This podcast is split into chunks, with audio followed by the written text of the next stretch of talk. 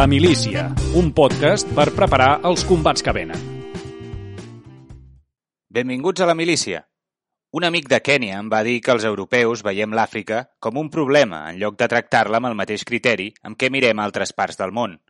I podríem veure, em deia, un mercat on col·locar els nostres productes, una font de coneixements i de cultura o simplement un lloc que ens vingués de gust visitar. Però sempre que en parlem, acostumem a barrejar la superioritat moral amb el sentiment de culpa. Sé tan poc de l'Àfrica que he volgut començar per una zona que, encara que sigui igualment enorme, es pot agrupar en unes característiques comunes. El Sahel és una llesca entre el desert del Sàhara i la sabana, que fa segles va veure el naixement i la fi de diferents imperis i que avui ocupa les portades pels nombrosos conflictes territorials, militars i polítics que hi tenen lloc. Al Sahel s'hi ha establert el TAP que mitjançant fons de la Unió Europea impedeix la immigració africana creuar el Mediterrani. Al Sahel s'hi ha produït l'últim cop d'estat en què un grup de militars han usurpat el poder. Al Sahel, el jihadisme avança amb molta determinació. Al Sahel també hi trobem diferents missions internacionals que, sota l'excusa de procurar la pau, defensen els interessos econòmics de les potències europees. Alguns experts han comparat el Sahel amb l'Afganistan, no només es tracta de la dificultat per abordar la diversitat ètnica i tribal de la zona, sinó que és un d'aquells espais estratègics on es decideixen qüestions de geopolítica que sovint ens passen per alt. Avui la milícia connecta amb Vilanova i la Geltrú per parlar amb Helena Cardona, politòloga i analista de l'Àfrica francòfona. Li demanarem que ens expliqui què és exactament el G5 de Sahel i que ens parli de les disputes territorials de la regió, i li preguntarem per què és important donar un cop d'ull al continent oblidat per entendre algunes tendències, com la immigració, que entren de ple en el discurs polític al nostre país.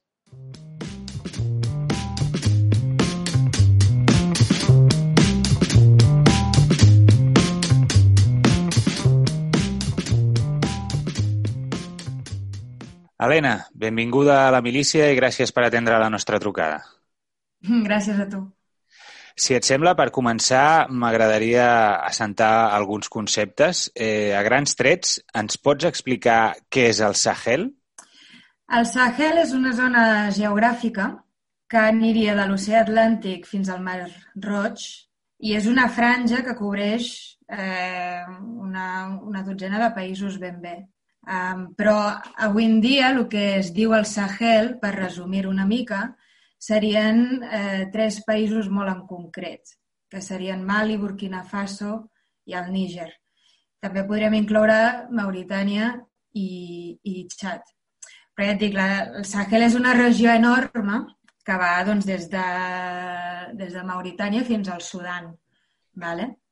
I aquesta zona, eh, històricament, és una zona on hi havia molts intercanvis comercials eh, era una zona molt, molt rica, on hi havia eh, una quantitat de, de, de comerç, de caravanes que intercanviaven eh, des d'espècies com la sal fins a or, eh, productes artesans, i hi havia un, una... Bueno, això, tot això afavoria l'aparició d'imperis molt, molt rics que des d'aquí a Europa no en tenim gaire constància. A més a més, aquesta zona, com que no toca el mar, diguéssim, perquè això seria el, a sota del Sàhara, mm -hmm. aquesta zona no es va veure tan eh, afectada pel comerç d'esclaus com sí que va quedar molt afectada la zona de, de les costes del golf de Guinea, tot això, no?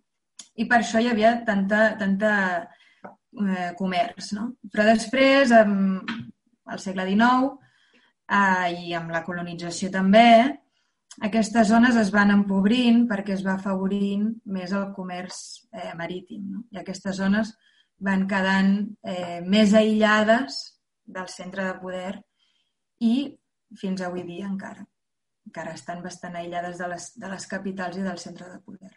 Sí, cal dir que pel podcast una mica farem, bueno, emmarcarem la nostra conversa en el que s'anomena el grup G5 del Sahel, una mica per, per delimitar, perquè com dius la, la, la franja aquesta és, és molt àmplia. Eh, mm. No sé si primer estaria bé que ens, ens expliqués una mica també què és el grup G5 del Sahel, per, per què sorgeix, perquè és, és relativament nou, eh, i a partir d'aquí doncs, eh, centrar-nos també una mica en, en aquests països que formen part de, del G5, tot i que és, segurament, eh, com dius, eh, l'àrea doncs, eh, comparteix, eh, ha sigut, diguéssim, una zona de trànsit i comparteix molts costums i, i part de, no sé si també més endavant potser podem parlar també de, de, del, del pòsit cultural que hi ha en comú en tots aquests països, però, però sí que seria interessant ara que ens diguessis això. El G5 què és? El G5 és eh, una aliança entre cinc països del Sahel. És una aliança militar per combatre els problemes de seguretat i concretament l'amenaça terrorista jihadista que hi ha en aquests països. Aleshores, és una aliança militar entre Mauritània, Mali, Burkina Faso, Níger i Txad, um, i és una aliança en la que uh, intenten fer front a aquesta amenaça jihadista que amenaça principalment uh, Mali i després uh, Burkina, Níger i després també el Txad. Vale? Aquesta aliança sorgeix fa molt poc temps, uns tres anys més o menys, i eh, neix una mica amb la voluntat de, de que siguin aquests països que s'empoderin i que siguin aquests països que siguin prou autònoms per combatre aquests problemes de seguretat. Perquè quan sorgeix, eh, quan sorgeix tot el problema del terrorisme a Mali, normalment el que es fa en aquests casos s'hi envia les Nacions Unides, hi havia la, la MINUSMA, que és l'operació de les Nacions Unides al Ma, a Mali, hi ha també l'operació militar francesa, i al final tots són ingerències eh, de fora, tots són ingerències internacionals. Uh -huh. I aquests països eh, també han de saber fer front als seus propis eh, problemes. No? I sorgeix com una, sorgeix aquesta aliança econòmica eh, amb la voluntat de que França intenti quedar en un segon pla, tot i que eh, de facto no, França mai està en un segon pla. Quin, quin, any, en, quin, en quin any es forma el G5? Això diria que és cap al 17, al 16-17, més o menys. I llavors, eh, clar, com dius, eh, França és una presència... Eh, sempre hi ha l'ombra de França. Eh, tots aquests països del G5 comparteixen aquest espai que es diu la, la francofonia, que és a dir, són antigues colònies franceses? Um, França, sí. Eh, França va ocupar gairebé tota l'Àfrica de l'Oest. Mm, cal dir que, l'Àfrica queda repartida bàsicament entre el Regne Unit i França. No només, eh, però bàsicament entre el Regne Unit i França. I França es queda gran part de l'Àfrica de l'Oest.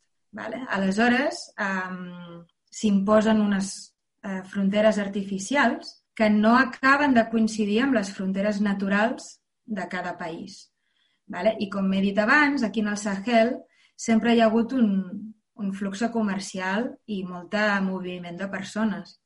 Aleshores, aquests països, entre Mauritània i Txad, comparteixen molta eh, el passat històric, un passat colonial, i eh, arrel d'això França encara hi és.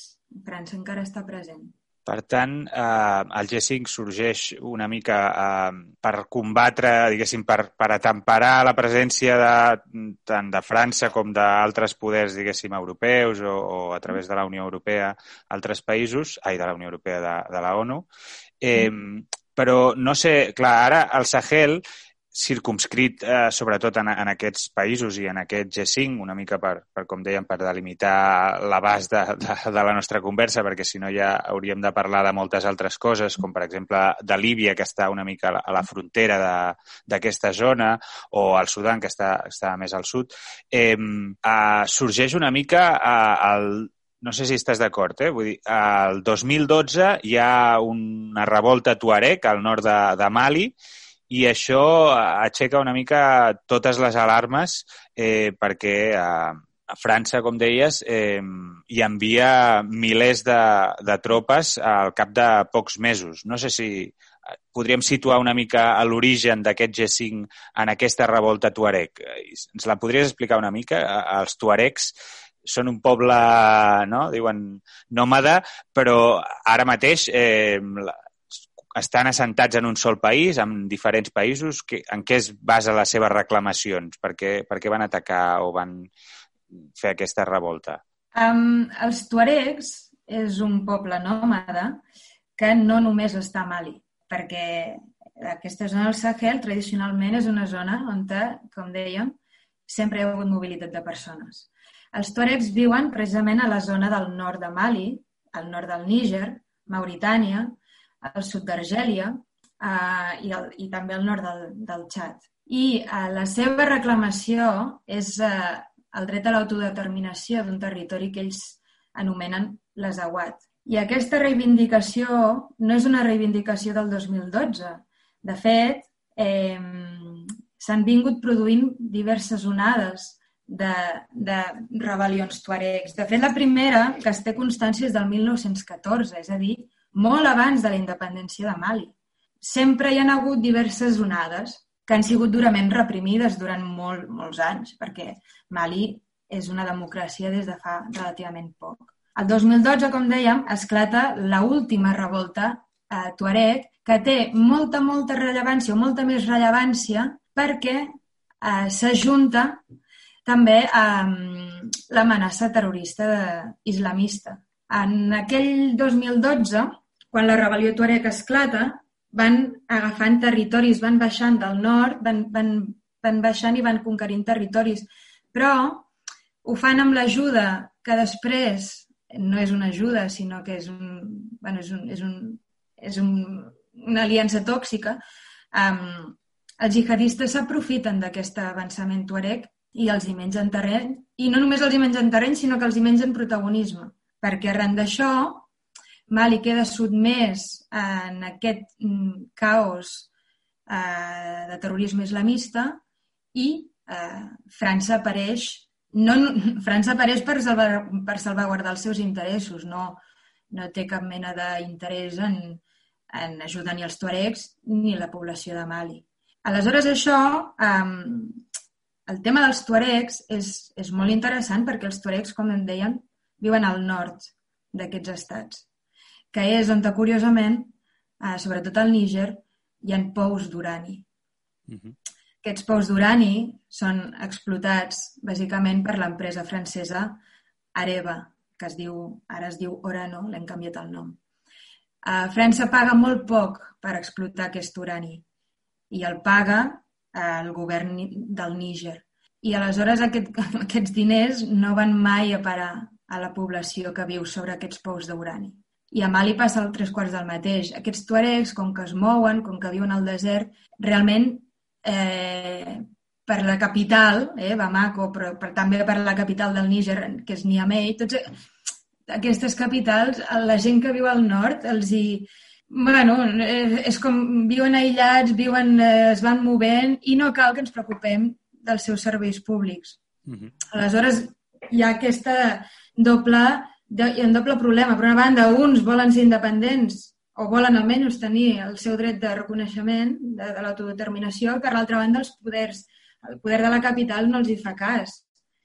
I el, els diners que reben de l'estat francès per explotar el Pau d'Urani, per exemple, no van a, no van a parar a que, a que tinguin serveis bàsics com educació, infraestructures i sanitat, per exemple. Clar, i hi havia un, hi ha un reportatge al Economist no, no fa, fa uns mesos que parlava dels desplaçaments interns al, al Sahel, en aquesta zona, causats eh, bàsicament pel, pels conflictes, no? Pel, pels combats que hi ha, eh, i es comparava la zona amb Afganistan per la quantitat de grups i de fronts oberts que hi ha actualment. No sé si tu aquesta, aquesta comparació la, la compres o no. Eh, el, el, el cas és que, eh, pel que ens estàs explicant, eh, el 2012 eh, es produeix aquesta última onada de, de la revolta Tuareg, que eh, en un territori on ja hi havia implementat eh, diverses faccions de, de jihadistes, eh, s'aprofita també per part de, de França eh, i d'altres eh, missions eh, comandades per la ONU o per la Unió Europea per eh, desplegar tropes eh, al territori. Llavors, eh, ara mateix, eh, la situació en quin punt es troba? Mm. Eh, Enric, perquè, perquè jo no, no, no et puc dir ben bé quina situació és l'actual, perquè, aviam, a Mali hi ha hagut un cop d'estat fa un mes. Sí, ara, ara en parlarem del cop d'estat, sí, sí. Mali ara mateix s'està eh, reorganitzant, almenys, almenys el que és eh, el poder oficial que seria el del govern. Um, de fet, van, van nomenar un president dilluns i el vicepresident eh, també, que el vicepresident és el líder del cop d'estat. Però, bueno, eh, això és a, és a Mali, no? Però el que has començat a dir primer sobre el tema de les faccions és molt interessant perquè és veritat, en, aquestes, en aquests països hi ha una multitud d'ètnies, de tribus, de clans que s'han anat movent històricament, però que eh, continuen sent tribus i ètnies i clans, i que conviuen eh, més o menys amb penes i treballs, però conviuen perquè estan en, un, estan en aquestes fronteres artificials imposades des de, des de França. No? Aleshores, um, és una mica difícil intentar analitzar qui vol què i on està cadascú, perquè tot això és una situació molt canviant. Um, L'origen de tot aquest, uh, tota aquesta diversitat cultural, a Mali, per exemple, eh, quan Mali es democratitza, principis del 90, intenten fer una mica de descentralització de l'Estat. En aquesta descentralització el que s'intenta és que um, convisquin els, el poder oficial, és a dir, el govern, l'Estat, uh. -huh. i l'autoritat tradicional d'aquestes comunitats autòctones de cada lloc. De tal manera que es crea una gestió híbrida de l'Estat que eh, fins ara causa més, més problemes que solucions. Perquè, per una banda, en aquesta gestió tradicional s'ha afavorit unes certes comunitats envers unes altres i, per altra banda, l'Estat ha deixat, ha deixat de la gestió en aquestes autoritats tradicionals i a mol, moltes regions del centre en amunt, no? del centre de Mali, però no, no només de Mali, sinó de Burkina i del Níger, on l'Estat no hi és la presència de l'Estat no hi és. Aleshores, això eh, crea un caos perquè eh, s'afavoreixen tot de bueno, unes gestions tribals arbitràries, eh, la gestió també de l'autoritat religiosa. Um, després hi ha, evidentment, tots els grups armats, diguéssim grups armats perquè uns poden ser terroristes però per uns altres no ho són.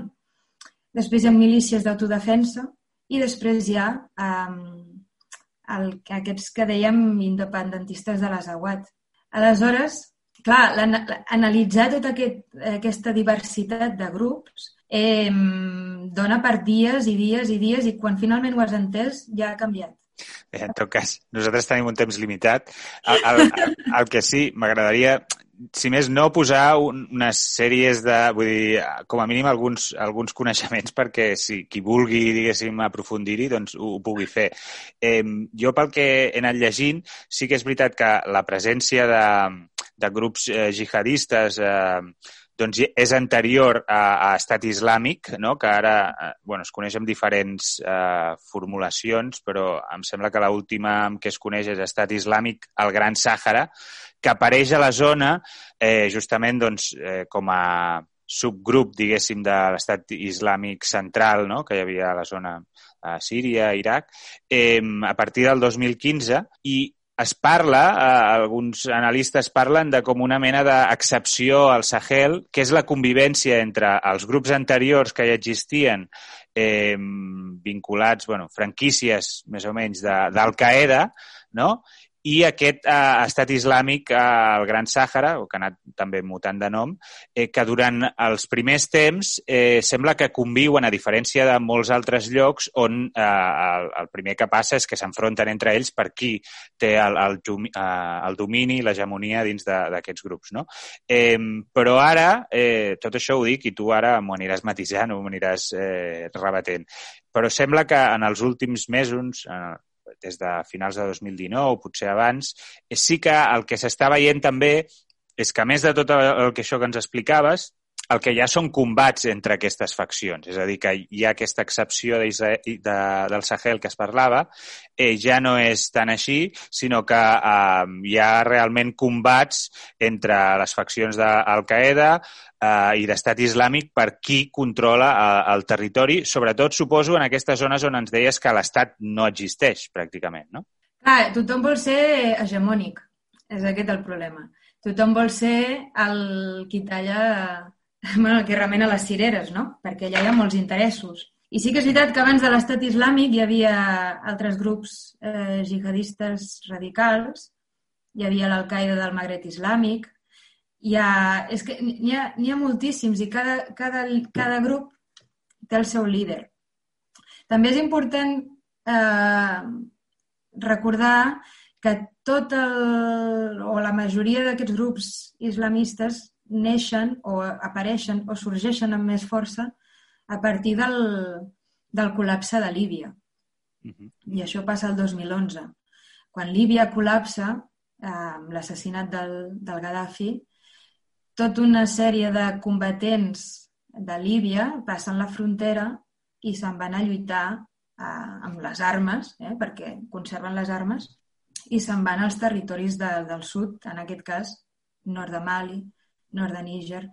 Aleshores, um, també, eh, primer això, no? O sigui, contextualitzar que Líbia, el caos de Líbia, té una, un gran impacte en el sorgiment d'aquests uh, grups terroristes. Uh -huh. Però no només això, perquè al final aquests grups terroristes eh, que sorgeixen i es divideixen i s'uneixen i es tornen a dividir, també estan molt anclats en la tradició eh, local, tradició eh, de comunitat i, i tradició geogràfica, o sigui, ubicació geogràfica.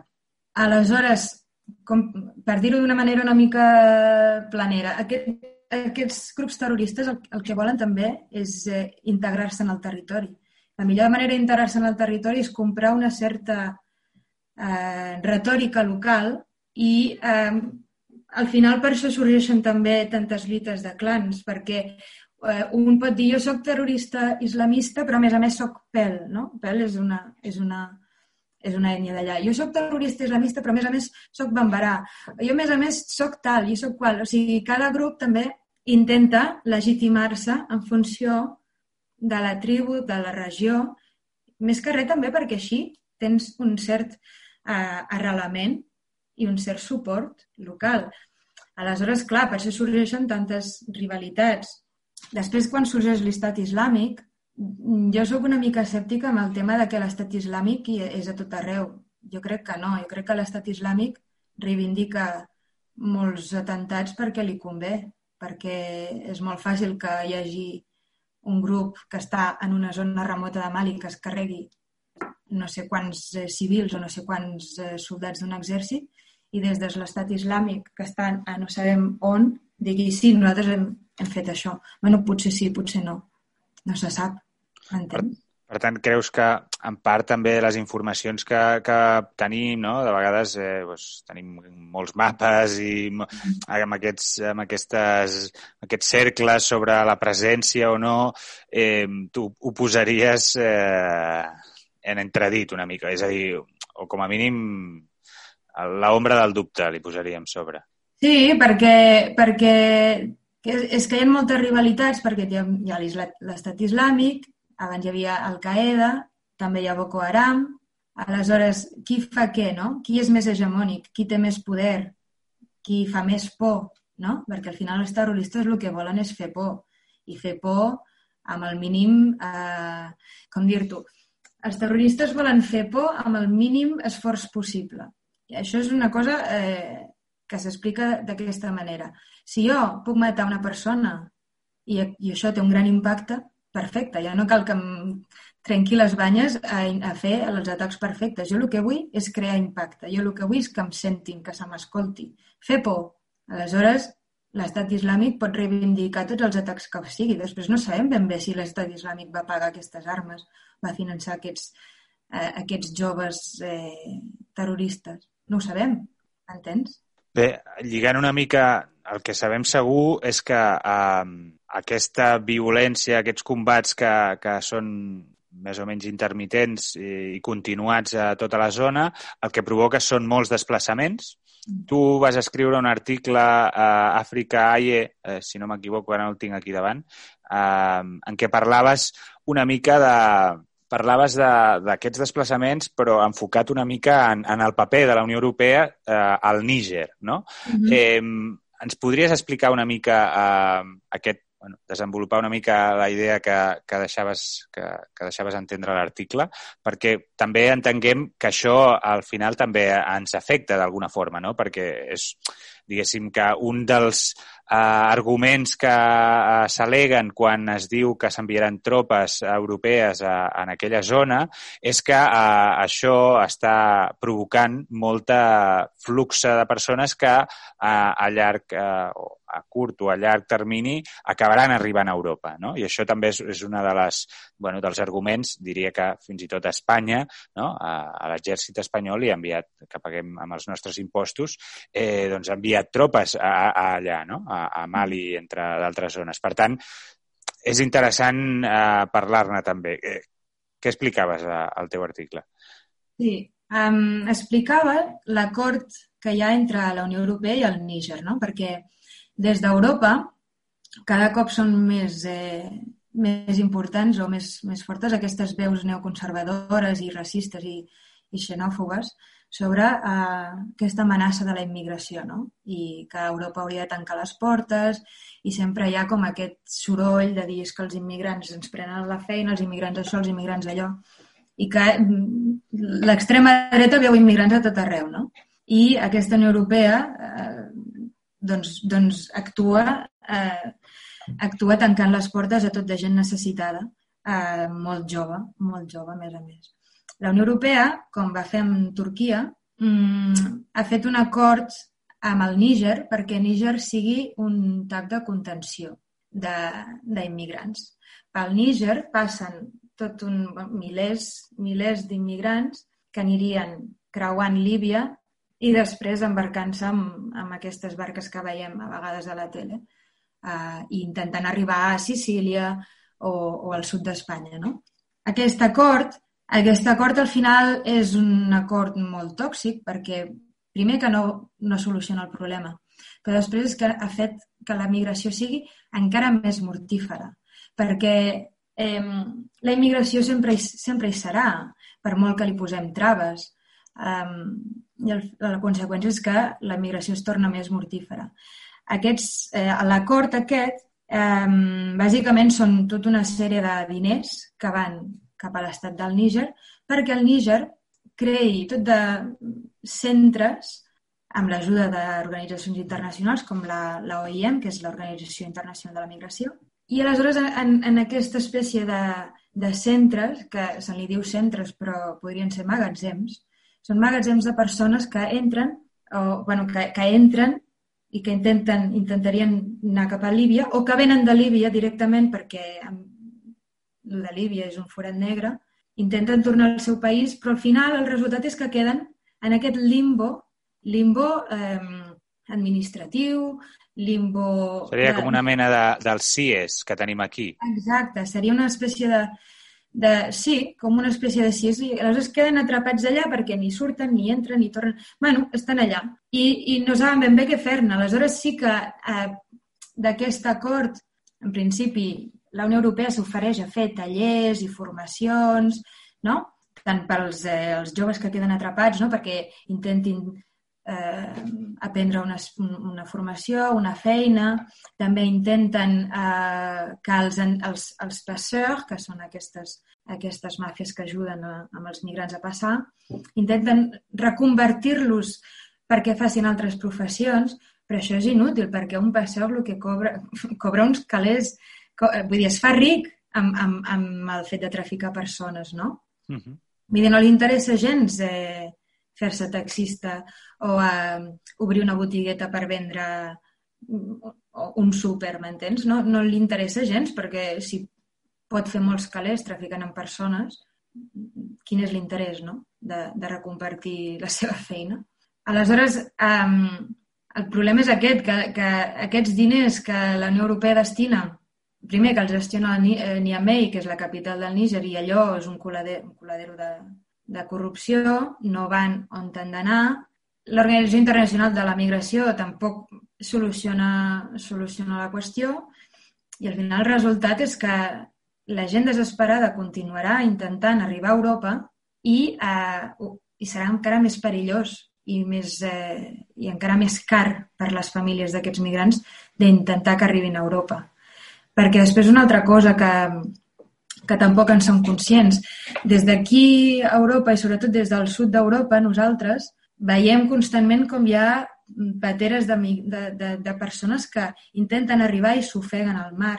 I tot això més o menys es pot comptabilitzar una mica la, la de pateres que, que no arriben, no? Vull dir, és difícil, però més o menys.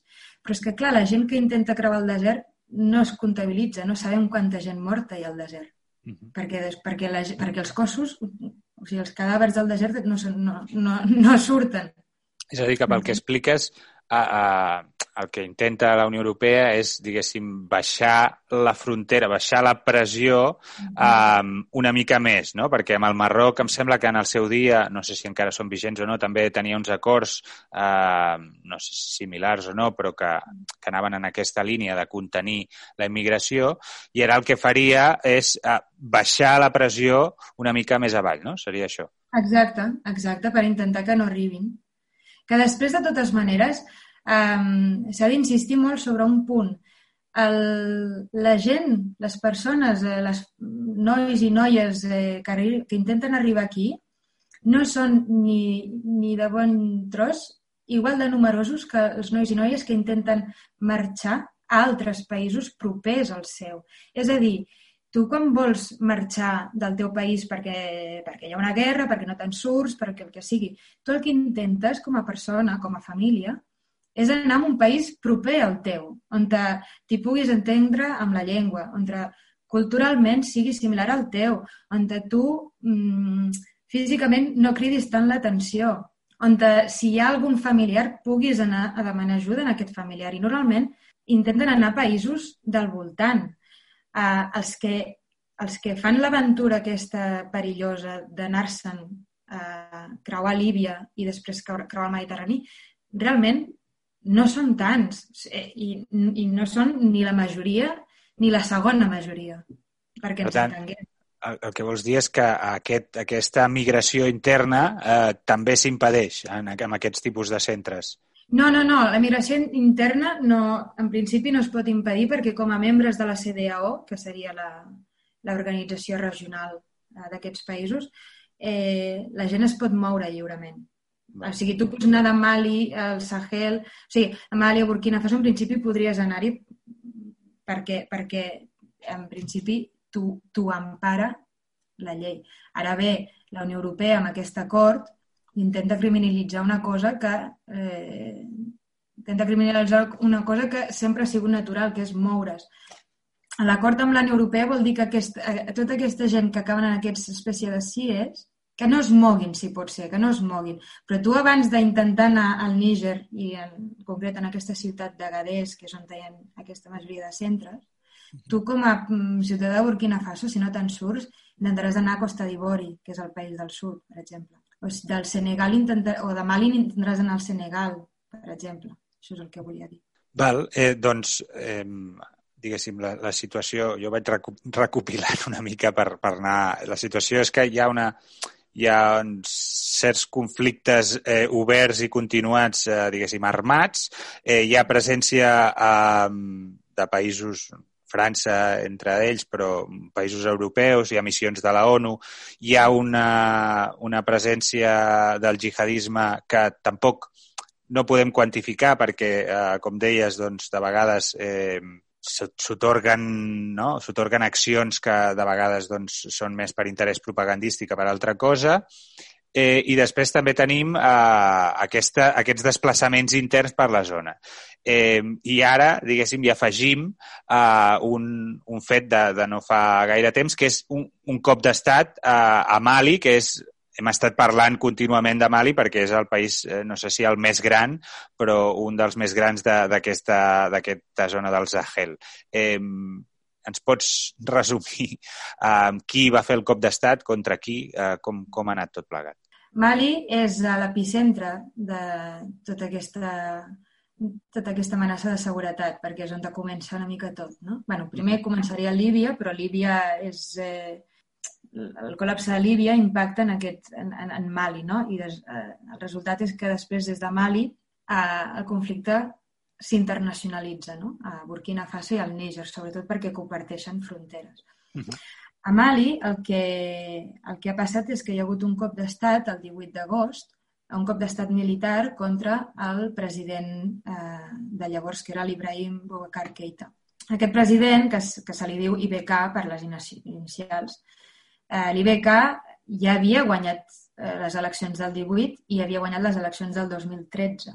I és un president que, en principi, segons la població, no ha sigut capaç de eh, posar solucions a tot el conflicte de la seguretat, però no només de la conflicte de la seguretat, sinó també intentar fer que el país prosperi econòmicament, no? que seria, si un país que prospera econòmicament seria una bona solució per, per combatre també eh, el terrorisme. Si, si em permets fer un, un parèntesi, sí. eh, quins diries que són els països, potser de, de la zona concretament, o, o més pròxims que estan prosperant econòmicament, diguéssim, per posar d'exemple no? d'algun algun país de la zona que sí que creguis que on les coses doncs, eh, s'estan fent millor?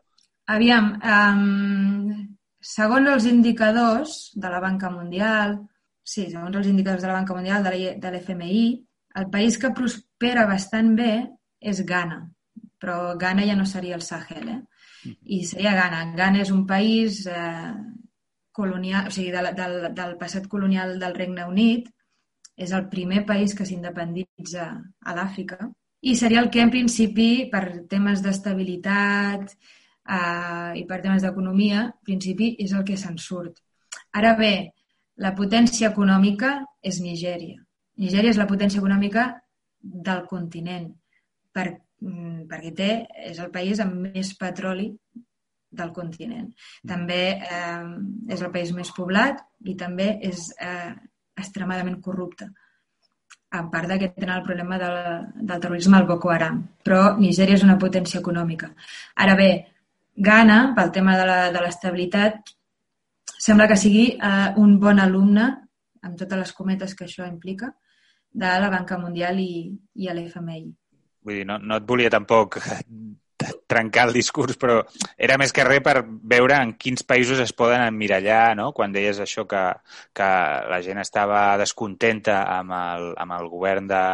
I mm. que i, no, com ho deies? Ibeca, Ibrahim Bakar Keita, sí. Doncs eh, per saber això, ja està. Mm. Eh, seguim, seguim. Eh, amb no, el, el, el, això, el cop d'estat eh, de l'IBK. Doncs um, és un president que a, a ulls de la ciutadania és incapaç de fer front a tots els problemes que té el país, no? Perquè ell surt elegit el 2013, que el 2013 tot just fa un any de la rebel·lió Tuareg, de la de l'ocupació dels terroristes, de, de França que envia tropes, i en principi, eh, des del 2013, ell és incapaç de, de fer front a tot això, i no només de fer-hi front o d'intentar solucionar-ho, és que està, tot, tot va pitjor encara.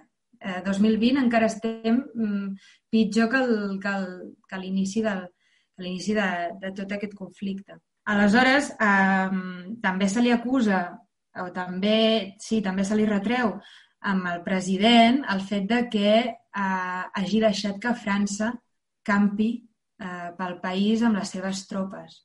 Això és una cosa que no agrada a la ciutadania perquè ho veuen com el típic episodi de la France-Afrique, que és aquests lligams eh, enverinats entre França i les seves antigues colònies francòfones. No? Suposo que l'exèrcit, això, a l'exèrcit de Mali tampoc no, no, no deu haver caigut gaire bé.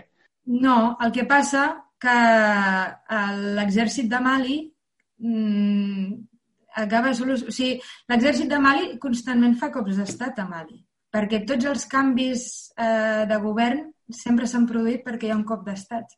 Um, un cop d'estat que desemboca en dictadura o un cop d'estat que desemboca en democràcia.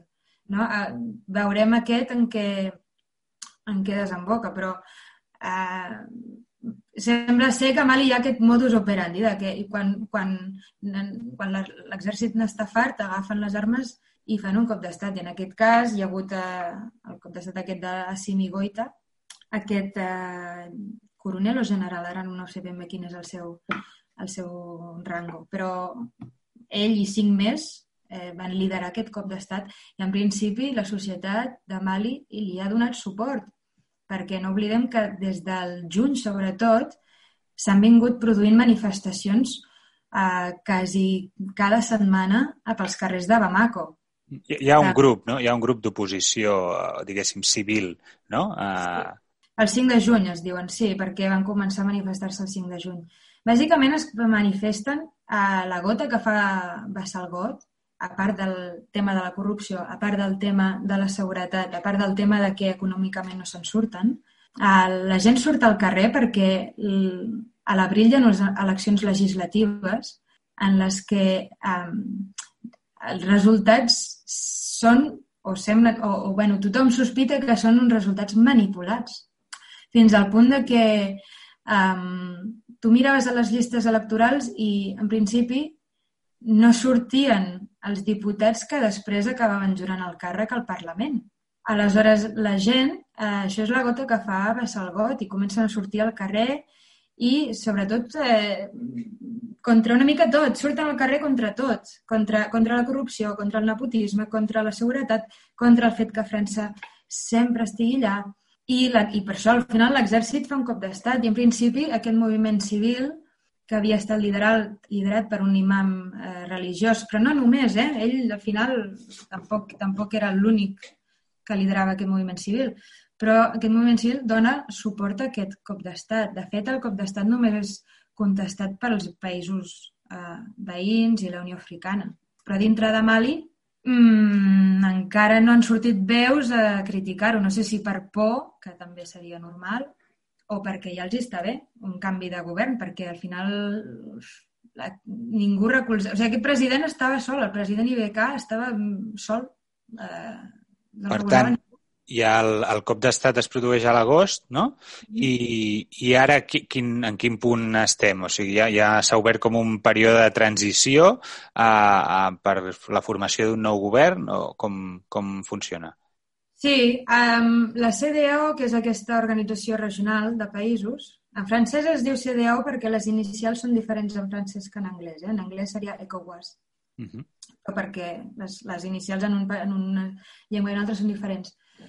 Um, la CDO va intentar pressionar bastant i va dir uh, això s'ha de solucionar i això heu de posar un president civil. És a dir, no pot ser que uh, l'exèrcit estigui al capdavant d'aquest estat i de fet va posar com a data límit el dimarts, és a dir, ahir.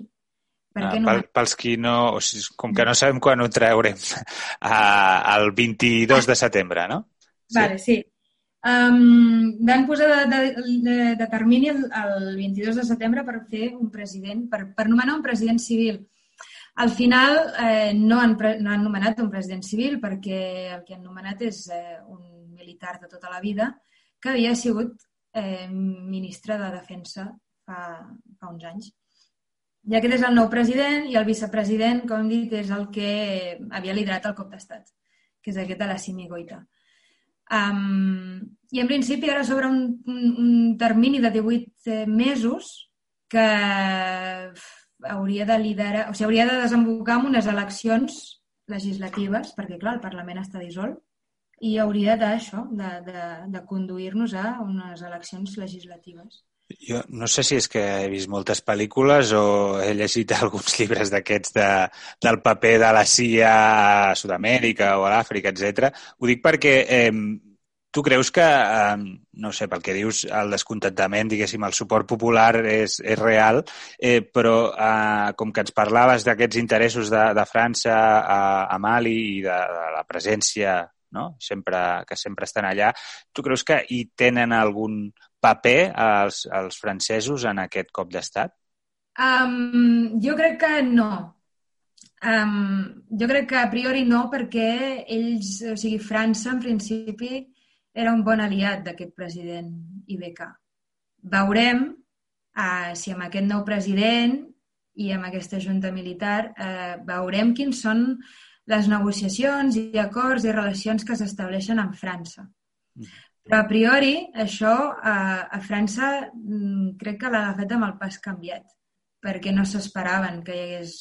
És a dir, que hi havia inestabilitat, sí, però que, que podria haver-hi un cop d'estat, home, mm, pel passat, o sigui, per, pel, pel que ha vingut passant eh, des de sempre a Mali, home, sí, que havia la possibilitat, però que fos immediatament, jo crec que França no s'ho esperava. Mm -hmm. I en principi jo crec que, jo crec que els que estan liderant ara aquest, aquest canvi de moment no són, no són eh, amics de, de França. Tampoc, tampoc, mm, o sigui, jo no vull dir aquí ara categòricament que això no canvi, perquè pot ser que d'aquí sis mesos o d'aquí un any o d'aquí, és igual, d'aquí deu anys potser França aconsegueix Mm, fer-se els seus no? i, i convertir-los en titelles, que de fet això és una paraula molt lletja, però, però de fet això és el que passa normalment. Mm -hmm. Bé, eh, seguirem l'evolució de Mali. Hem parlat de Níger, eh, ara hem parlat de Mali. Eh, tu ens deies que eh, per, per circumscriure, diguéssim, aquesta zona, eh, ens deies que bàsicament els tres països més importants del G5 són aquests dos i també Burkina Faso, eh, no? Mm. llavors hi hauria Txad i Mauritània. A Burkina Faso hi ha eleccions ara a la tardor. Eh, quin és el, quines són les previsions d'aquestes aquest, eleccions? Com, que... Uh, home, previsions és molt difícil fer-ne, eh? No, no hi ha enquestes? Vull dir... De fet, me'n recordo que, que a, a la carrera el que ens van dir el, els primers dies de la carrera és que un politòleg no fa mai eh, prediccions. ah, no, aviam, eh, Burkina Faso és un país molt interessant perquè pel seu, pel seu passat, eh, no tan recent, però és un, és un país una mica que ha renascut des del 2014, perquè el 2014 eh, va haver-hi tot un moviment ciutadà que va fer fora amb el dictador que hi havia. bueno, un dictador, eh, no hi havia dictadura, però de facto era un president que governava d'una manera molt autoritària, que es deia Blaise Compaoré. I Blaise Compaoré eh, volia fer, volia canviar la Constitució per perpetuar-se en el poder i la societat civil eh, va sortir al carrer i, i va dir que fins aquí, que ja n'hi havia prou. A més, Blas Compaoré també era un dels aliats de, de França a Burkina Faso. Uh -huh. um, el 2015 van haver-hi eleccions i aleshores uh, va sortir el, el Roc Marc Caboré, que és eh, el president actual, i que en principi es tornaria a presentar, si no falla res, uh, aquesta tardor. Um, I veuríem aleshores si aquest president mm, surt revalidat no? o si al contrari la societat busca un canvi. Mm... Com, es, com es valora a, aquests anys de, de presidència després de, de fer fora, d'expulsar el dictador bueno, o el líder anterior? És, és una mica difícil perquè per, en funció de, de, del que llegeixis hi ha qui et dirà que, i aquí et dirà que, que amb Blaise Compaoré no hi havia lluites tribals, vale? que això també és una, és, un, és una justificació molt comú. Quan hi ha un dictador que governa amb mà de ferro, no hi ha, eh, no hi ha lluites tribals, no hi ha, no hi ha violència entre tribus, no? Perquè hi ha un dictador que mana sobre totes, sobre, i sobretot la seva és la que mana sobre totes, yeah. i aleshores eh, allà no es mou res.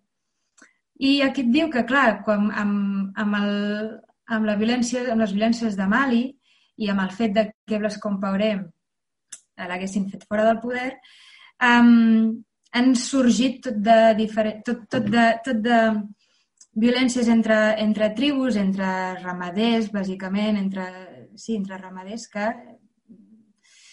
aleshores això, clar, és un balanç que el president que el president actual doncs, li pesa. A part de que, clar, Burkina Faso també està eh, amenaçada pel, per, per el tema del jihadisme. Uh, per tant, mm, jo crec que Roc, eh, Roc Marcauré no està ni de bon tros tan malament com ho estava IBK, perquè IBK era realment... Mm, o sigui, la situació de Mali queia pel seu propi pes, jo crec que a Burkina Faso no hi ha tanta inestabilitat i eh, només caldrà veure eh, què passa. És, in, és in, curiós que, clar, hi haguessin tots dos països que fessin les seves les, eleccions legislatives en un mateix any i en un període tan convuls com aquest, que a més a més eh, el tema del coronavirus tampoc és que sigui eh, gaire dient cridar la gent a votar, però, però bueno, sí. no, no hem parlat uh, d'aquest tema, eh, potser és que ja, ja ho tenim tan interioritzat, que, però uh, no sé com està afectant realment uh, la pandèmia en aquesta zona. No sé si hi ha molta incidència uh, o no. Um, la, aviam, la pandèmia no està afectant tant com ha, com ha afectat a Europa. Això, això segur. També, deixa'm dir que no sé si eh, no sé si es fan tants tests a la població per veure si hi ha tants casos positius com els que hi ha aquí. Però una cosa bona té la societat africana és que és població molt jove i eh, perquè les seves, les seves piràmides demogràfiques són les contràries que les d'europees, és a dir, nosaltres tenim molta gent gran, i allà no n'hi ha tanta, perquè l'esperança de vida doncs, eh, no és tan llarga com la nostra. Aleshores, això és un punt positiu perquè no els hi afecta tant la pandèmia. Uh, tot i així, doncs clar, hi ha, hi ha centenars de, de morts, això és, això és veritat, per, per coronavirus. Però ja et dic, eh, no, el fet de que hi hagi menys aglomeracions, sí que hi ha les ciutats, les capitals, però en el fons aquests estats Pensa que estan en, enmig d'un desert o gran part del seu país és un desert. Aleshores, no s'aglomera tant la gent, la gent viu en zones més eh, aïllades, més remotes, i eh, això fa que no hi hagi tanta contacte. Aquí nosaltres, sobretot la població mediterrània, som població que vivim molt junts i eh, fem molt de contacte amb els avis. I allà no, allà no tant. Per tant, potser els afecta menys, però ja et dic, eh, no sé si hi ha tants tests per anar fent eh, per això, per anar fent test amb la població i veure quants casos positius hi ha. Val, I ja anirem acabant, eh, però sí que m'agradaria abans de, diguéssim, de tancar a, amb Burkina Faso. Eh, deies abans que hi va haver com un renaixement al 2014. Eh, no sé si la figura de Thomas Sankara eh, té alguna cosa a veure, diguéssim, amb eh, explica'ns una mica qui era i, i si... Ho dic perquè és com una mena de... No? S'encén, jo ho vam parlar l'altre dia i sí que n'he sentit a parlar, eh, és com un mite, per dir-ho així, no? de, de la independència, si ho tinc ben entès, eh, però no sé si, diguéssim, el seu record encara és, és prou forta la seva, la seva figura com perquè afectés a, a aquest renaixement que hi va haver el 2014. Um, el Thomas encara és, eh, bueno, no és una figura de la independència, però perquè la independència va ser cap als anys 60 i ell eh, agafa el poder als 80, no? Però és com d'aquestes figures eh, panafricanes, com, com també ho era Patrice Lumumba, no? Són aquests màrtirs eh, africans que eh, acaben assassinats pel poder colonial i, en paraules de, de Sankara, seria per l'imperialisme, no? Mm -hmm. Thomas Sankara és eh, un militar de carrera que a l'any 83 fa un cop d'estat en un país que a llavors es deia Alto Volta. Volta és el riu i Alto, doncs, bona part alta del riu. No? Tot això és una, és, són, són noms eh, colonials. O sigui, Burkina Faso abans es deia Alto Volta. Exacte. Aleshores, ell, ell era, era un visionari i la, el seu objectiu era fer del país un país pròsper, un país eh, independent realment, no independent eh, sobre el paper, no, sinó independent econòmicament del poder eh, de l'excolònia, que és a dir, era, era França. No?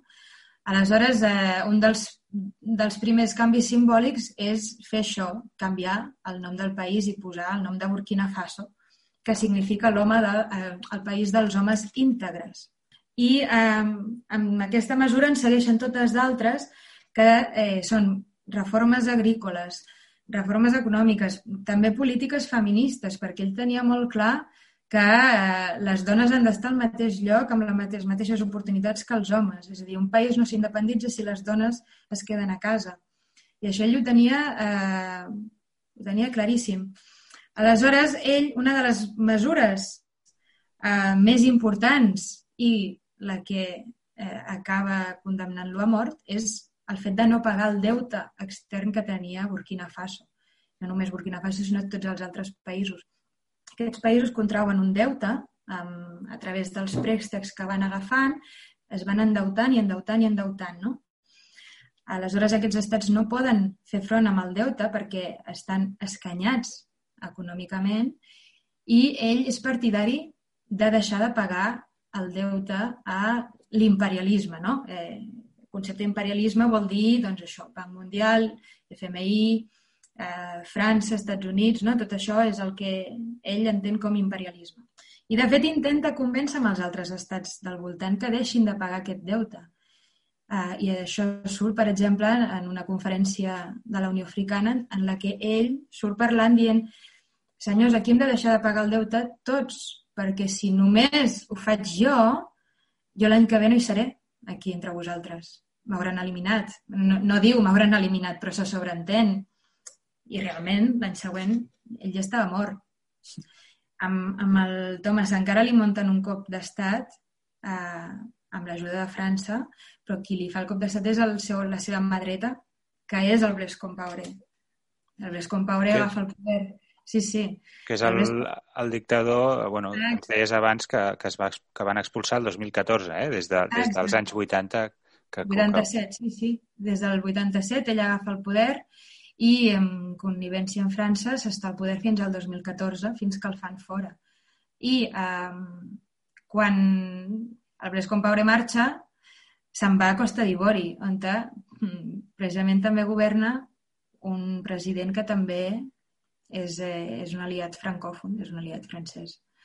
La, la figura de Thomas Sankara és, és, és d'aquestes figures eh, apassionants perquè és, és gairebé com un heroi, és, és un mite, perquè sí que és veritat que és això, un militar, no? i anava vestit de militar, però és algú que després eh, tenia, tenia unes idees molt progressistes, com això, per exemple, de, de fer que les dones tinguin les mateixes oportunitats, o um, intentar que, que els burkinabers, o sigui, els ciutadans, se sentin orgullosos de ser africans, que no, no deuen res amb França, que no deuen res a tot aquest passat colonial, que al contrari s'han de sentir orgullosos de, dels productes que venen, dels productes que fan, dels, de, de tota la cultura africana. Mm -hmm. I per això és, un, per això és eh, aquesta bueno, un líder, un líder eh, panafricà que, a més a més, clar, com que el van assassinar, doncs ja és eh, això, un màrtir, un màrtir, de, un màrtir africà. Val, doncs eh, una mica fins aquí és a l'esquema que ens havíem, que ens havíem marcat eh, per parlar una mica de, de tot plecat. Eh, jo crec que, bueno, de cada tema podríem estar-hi molta, molta estona, però hem volgut fer com un dibuix una mica general i, en tot cas, eh, més endavant ja, ja podríem tornar a parlar. Eh, el que sí que m'agradaria, ara, mm, deies fa un moment que a la carrera et van dir quan estudiaves que no fessis pronòstics, eh, però sí que m'agradaria, si més no, eh, que ens expliquis el que, els punts, els, els temes que, que poden ser de més interès, així molt, molt breument, en els, en els propers, no, no tant, diguéssim, a llarg termini, però sí que en un període dels propers mesos, els propers els anys eh, més a venir, eh, per, per fixar la mirada en aquesta zona. Aviam, el tema de seguretat serà un tema eh, que no s'acabarà avui ni s'acabarà l'any que ve. El tema de seguretat, eh, l'amenaça jihadista és un, és una qüestió que, que fa molts anys que hi és i que de moment no s'entreveu que hi pugui haver-hi um, que no es, ve, no, es, no es veu la llum al final del túnel. Um, aleshores, en aquest sentit, hi haurem de, haurem d'acostar-nos a veure què passa, perquè al final uh, això ens afecta a nosaltres, evidentment. Després, un altre punt que no se n'ha parlat, però que de fet és, eh, és latent, és eh, l'efecte del canvi climàtic. L'efecte del canvi climàtic en aquests estats té, un, té un, una conseqüència dramàtica perquè eh, quan més calor fa, menys cultius hi ha. I aleshores, si, si hi ha gana i no es pot consumir el que es consumia abans i no es pot vendre el que es venia abans, eh, crea misèria i la misèria eh, crea caos. Aleshores, això també serà una qüestió a, a, a veure. I després una altra qüestió també crec que interessant és eh, veure bueno, això és més un desig, eh? però mm, crec que s'hauria de deixar aquests estats que intentessin eh, participar més de la vida internacional i de decidir ells mateixos el que els hi convé en comptes de que cada dos per tres sigui o França o la Unió Europea que els hi vingui amb acords eh, tòxics que no els hi fan cap mena de bé i eh, al contrari, que els, els, els perjudica encara més econòmicament, personalment, a nivell de seguretat eh, i això, a nivell de serveis bàsics també. Aleshores, crec que eh, el pronòstic seria que com a ciutadans mediterranis, ciutadans europeus, hauríem d'estar més atents a què, fa, què fan els nostres estats per deixar de perjudicar els, els estats d'allà. Perquè aleshores eh, hi hauria, primer, que hi hauria unes relacions més sanes i després que potser d'aquesta manera eh, desmitificaríem tot d'estigmes relacionats amb eh, l'Àfrica i el racisme i la xenofòbia.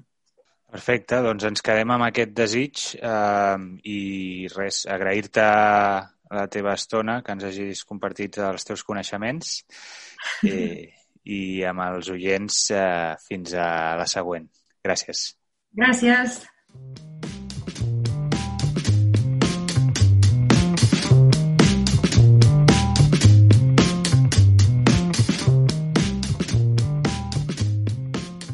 La milícia, amb Josep Asensio.